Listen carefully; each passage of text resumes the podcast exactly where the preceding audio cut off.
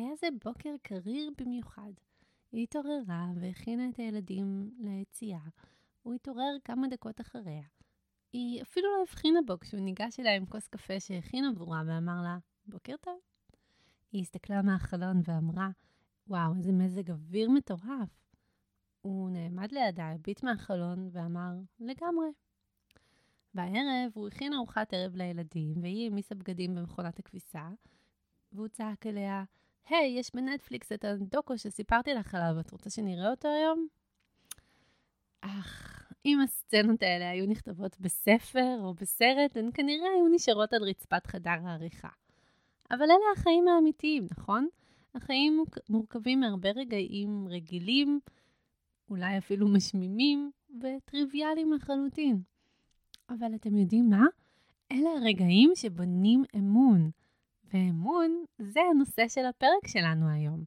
נושא חשוב מאוד לכל זוגיות טובה ומאושרת.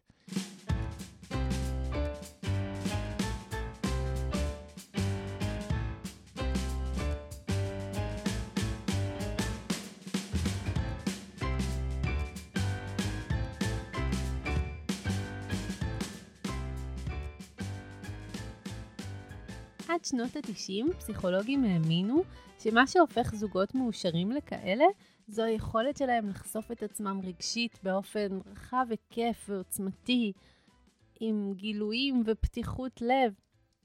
אך מה שגילו במחקר זה שרוב השיחות שבני זוג מנהלים הם כמו הסצנות שתיארתי קודם. היי, hey, מותק, תוכל להביא לי מים כשאתה קם? בטח, את רוצה שאני אביא לך עוד משהו? המחקר שדוקטור גוטמן מספק אלפי שעות על גבי שעות של צפייה בסיטואציות האלה, שאותי לפחות הן מרתקות. היא ביקשה ממנו לבוא לראות משהו שהיא ראתה בעיתון. האם הוא הסכים? האם הוא יגיב בסקרנות ושמחה, או שהוא יתעצבן עליה שהיא מפריעה לו באמצע משחק כדורסל שהוא צופה בו? הוא שאל אותה אם היא דיברה עם אחותה. האם היא תשתף אותה בקשיים שלה במערכת היחסים עם אחותה, או שהיא תענה תשובה גנרית? או עכשיו הוא אמר לה שהיא מפנקת את הבת שלהם כל הזמן, איך היא תגיב? האם תפרוץ מריבה? האם הם יצליחו לפתור אותה ולגלות הבנה? האם הם יצחקו על כל זה? הרגעים האלה הם אלה שבונים את האמון בזוגיות, תאמינו או לא. אני יודעת שלרוב האנשים יש בראש סיטואציות הירואיות, שבהן הן הוכיחו לבני הזוג שלהם שהם רק שלהם. אך האמת היא שאמון נבנה מהדברים היומיומיים, שנראים חסרי חשיבות אפילו. אני מזמינה אתכם לחפש את כל הפעמים, ויש המון כאלה במהלך היום, שבו בן הזוג שלנו מחפש להתקרב אלינו. זורק אמירה שנראית לאוויר, אבל היא לא לאוויר, היא אלינו. מביע הבעת פנים, מחווה גופנית, הנחה, כל אלה הם ביטויים לצורך שלהם בתשומת הלב שלנו. המשפט שאני חוזרת עליו כל הזמן הוא שלמחוות קטנות לעתים קרובות יש הרבה יותר משמעות ממחווה אחת גדולה פעם ב. בעלי ואני לא קנינו מעולם מתנה בוולנטיין או ביום אהבה. אנחנו לא טסים לטיול רומנטי כל שנה ולא מוציאים אלפי שקלים על תכשיטים ומחוות רומנטיות, פשוט כי לנו זה לא חשוב. להגיד לבן הזוג שלי כל יום מה אני אוהבת ומעריכה בו, עושה הרבה הרבה יותר לזוגיות. בכל פעם שבן הזוג שלנו שולח הצעה לחיבור, וכל האמירות האלה שהזכרתי נקראות בתיאוריה של גוטמן הצעות לחיבור, Beats for Connection. אנחנו יכולים לבחור להתעלם, לפנות לקראת, להתקרב ולפנות נגד. אז אני רוצה להציע לכם דרך חדשה לחשוב על הדברים. אם בכל פעם שאתם מקבלים את ההצעה לחיבור ומתקרבים, אתם בעצם מפקידים בקופת החיסכון הרגשית שלכם. כי כשתהיו בתקופות יותר לחוצות, מאתגרות או קשות, ומה לעשות, יש תקופות כאלה. וגם כשהכול בסדר בזוגיות שלנו, לפעמים החיים מביאים עלינו קשיים ואתגרים, כמו אובדן של הורה חלילה, פיטורים, מעבר דירה, שיפוץ, כל אלה עלול, עלולים לעורר חרדה, לחץ ואבל, שאנחנו עלולים להפנות אותם כלפי בני הזוג שלנו, ואם יהיה לנו מספיק רגש חיובי אחד כלפי השנייה בחשבון החיסכון שלנו כדי להתמודד, כדי לרכך את המכה, לא נהיה במינוס של רגשות שליליים. בדיוק כמו חוסכים כסף ליום סגריר בכל פעם שאנחנו כן בוחרים לקבל את ההצעות לתקשורת ובוחרים להתקרב, אז אנחנו בעצם מגדילים את הקופה. כל מה שזה אומר זה להכיר במה שבן או בת הזוג אמר. זה יכול להיות הנהון, כן, יופי, זהו, זה כל מה שזה מצריך. זה יכול להיות גם כמובן תגובה יותר נלהבת ומשתפת פעולה. במחקר של דוקטור גוטמן, זוגות שנשארו נישואים פנו זו כלפי זה 88% מהזמן, וזוגות שהתגרשו פנו זו כלפי זה רק 33%. זה מראה לנו כמה לזהות את הקריאות האלה לקרבה מצד בן הזוג שלנו חשובות. כמה ההכרה ברצונות, בצרכים ובתשוקות של בני הזוג שלנו חשובה. כשאנחנו לא פונים זו לקראת זה, לא מקבלים הצעות לחיבור, האמון במערכת היחסים מתחיל לרדת. נתון מפתיע, לפחות הפתיע אותי, שהתגלה במחקר, הוא שבגידה וחוסר אמון לא נמצאים בקורלציה גבוהה זו לזה. אנחנו נוטים לחשוב שהם קשורים, נכון? אבל בעצם, כדי שתתרחש בגידה, אנחנו לא רק פונים נגד בני הזוג שלנו, אנחנו גם עסוקים בהשוואות שליליות. אני, אם אני חושבת לעצמי, למשל, אני יכולה לעשות הרבה יותר טוב ממנו, למה אני צריכה להתמודד עם חרא הזה?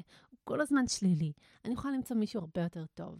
וברגע שאנחנו מתחילים לחשוב כך, שאנחנו יכולים למצוא משהו טוב יותר, אנחנו מתחילים השתלשל, השתלשלות של אירועים בהם אנחנו לא מתחייבים למערכת היחסים שלנו. למשל, זה יכול לראות כמו ללכלך על בני הזוג שלנו, במקום להוקיר אותם, לחוש עוינות במקום הערכה, להשקיע פחות ולא לסמוך עליהם, לא לנסות למלא את הצרכים שלהם, לא להקריב עבור מערכת היחסים, וכמובן קונפליקטים שמחריפים במהרה, בהם צד אחד מנצח והשני מפסיד. במקום לרצות שהצרכים של שנינו ייענו. להפתעתנו, 30% מהזוגות שכלואים בזוגיות אומללה, מריבות תמידיות, נשארים בני זוג אמינים. לפעמים זוגות לא עוזבים אחד את השנייה בגלל שערכי המשפחה קדושים עבורם, חלק בגלל דיכאון וחוסר הערכה עצמית. אבל עבור 70% הנותרים לפחות, אחד מבני הזוג הופך להיות לא ראוי לאמון.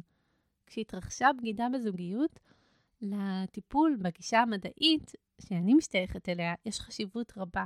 אחוזי ההצלחה שלנו עומדים על מעל 80 אחוז, שזה בערך יותר מ-40 אחוז סיכוי של טיפול בגישה שהיא לא מבוססת על מחקר.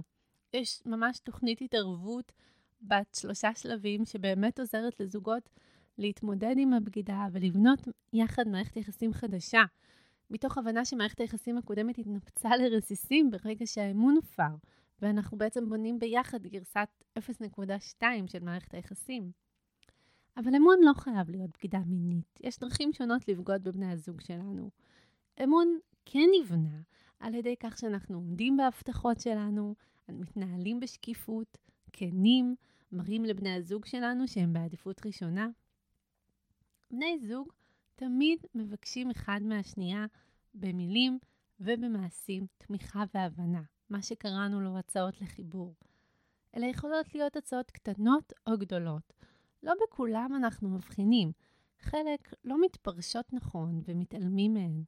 אבל כל הצעה לחיבור היא בעצם הצעה לדלת הזזה, מה שדוקטור קוטמן קורא לו sliding doors moment. ברגעים האלה יש לנו שתי אפשרויות. או לפתוח ולעבור בדלת, או להשאיר אותה סגורה ולהפנות את גבנו.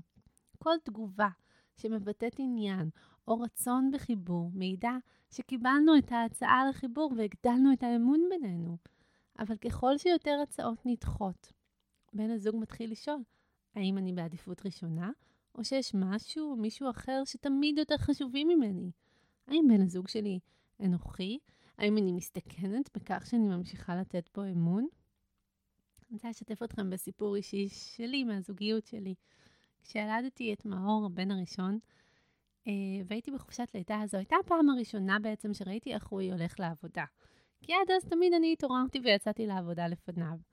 ואז, כשראיתי לראשונה באיזה פנים נפולות ודיכאון הוא יוצא לעבודה כל בוקר, לא יכולתי להתעלם מזה. ידעתי שלא טוב לו בעבודה, אבל לא ידעתי עד כמה. וזה היה בהחלט sliding door moment בשבילנו.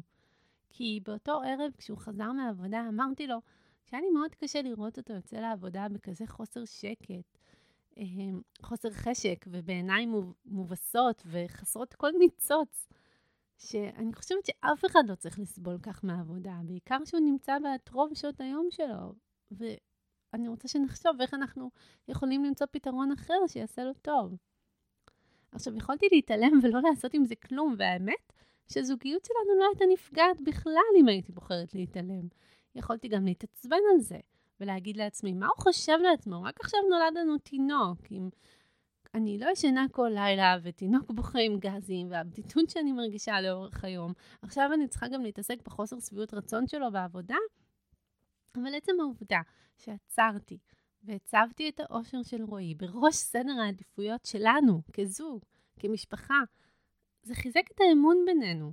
רועי הבין שהאושר שלו חשוב לי, שאני שם בשבילו, שאני מאחוריו, שאני חושבת עליו ומאמינה שהוא יכול להתקדם, לממש את עצמו ולהרגיש משמעות בעבודה שהוא יבחר לעשות, ובעיקר לא לסבול.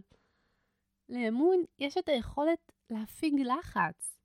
כשיש פוטנציאל לבגידה במערכת יחסים, אנשים מבזבזים זמן ואנרגיה רגשית, והופכים להיות כמו חוקרים ופרקליטים, ומחפשים הצדקות לכך שחוסר האמון שלהם מוצדק. אמון מסיר מרכיב חשוב של סטרס, אנחנו מצליחים לפעול עם מידע חסר, אנחנו לא דואגים כל הזמן, ואנחנו מצליחים לקבל החלטות. גם כשמערכת יחסים מסתיימת בטוב, יש להתמודד עם אובדן האמון ולבצע פעולות להשבתו לפני שממשיכים הלאה. אז הרבה מטפלים חושבים שאמון זה עוד חוזקה של מערכת יחסים, או שאמון זה תכונה שאו שיש לנו או שאין לנו אותה. אבל מה שעולה מהמחקר הוא שאמון הוא הבסיס למערכת יחסים יציבה וטובה.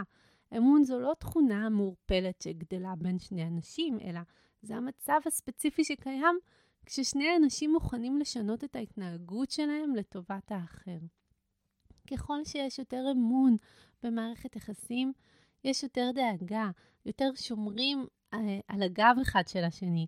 במערכת יחסים שמבוססת על אמון, אנחנו מרגישים הנאה כשבן הזוג שלנו מצליח, ואנחנו מוטרדים כשהוא עצוב. אם אני אשיג מה שאני רוצה, אבל זה יפגע בדרך כלשהי בבן הזוג שלי, אני לא אהיה מאושרת.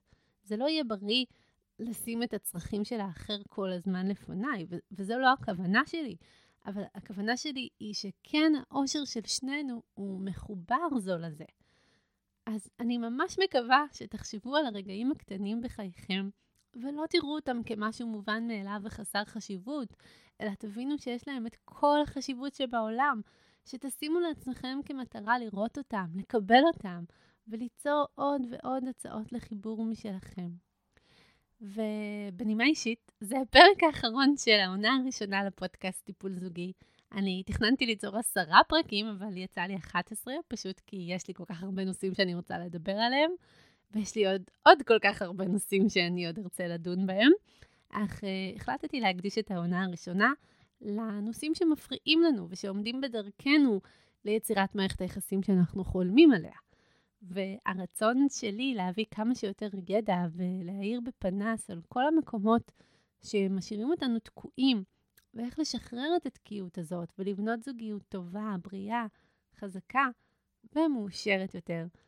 אה, בחרתי את הנושאים מתוך מה שהכי עולה הרבה אצל זוגות בקליניקה שלי. אמ, אני יוצאת להפסקה כדי לפתח את העונה השנייה, ואני אשמח מאוד שבזמן הזה תשלחו לי את הפידבקים שלכם. ותעדכנו אותי מה הייתם רוצים לקבל, על איזה נושאים תרצו לשמוע. אה, למשל, נושאים שלא הספקנו לגעת בהם, ואני אה, מתכננת להגיע אליהם, זה סקס, בגידות, ילדים. אלה הם רק חלק מהנושאים שאני כבר מחכה בקוצר רוח לדבר עליהם ולא הספקתי העונה, אז בהחלט יש למה לחכות. אני אוהבת אתכם, ותודה רבה שהייתם איתי לאורך הדרך. 11 פרקים, זו בהחלט הרפתקה מטורפת. אנחנו נתראה בעונה הבאה. באהבה רבה. ביי ביי.